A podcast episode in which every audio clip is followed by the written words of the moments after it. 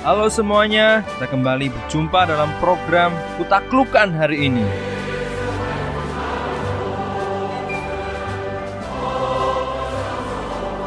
Sebenarnya saya ingin kita semua berani melanggar.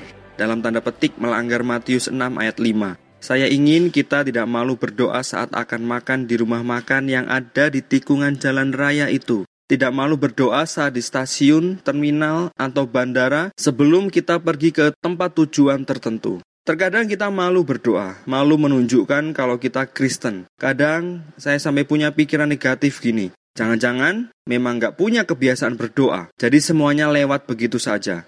Atau punya prinsip bahwa Tuhan Maha Tahu. Jadi ngapain berdoa, kan Tuhan Maha Tahu. Memang Tuhan Maha Tahu, Dia tahu semuanya. Dia tahu kita ingin tiba di tujuan dengan selamat. Dia tahu kita ingin makan tanpa keracunan. Dia juga tahu kebutuhan kita yang lainnya. Dia juga tahu kondisi keluarga dan ekonomi kita.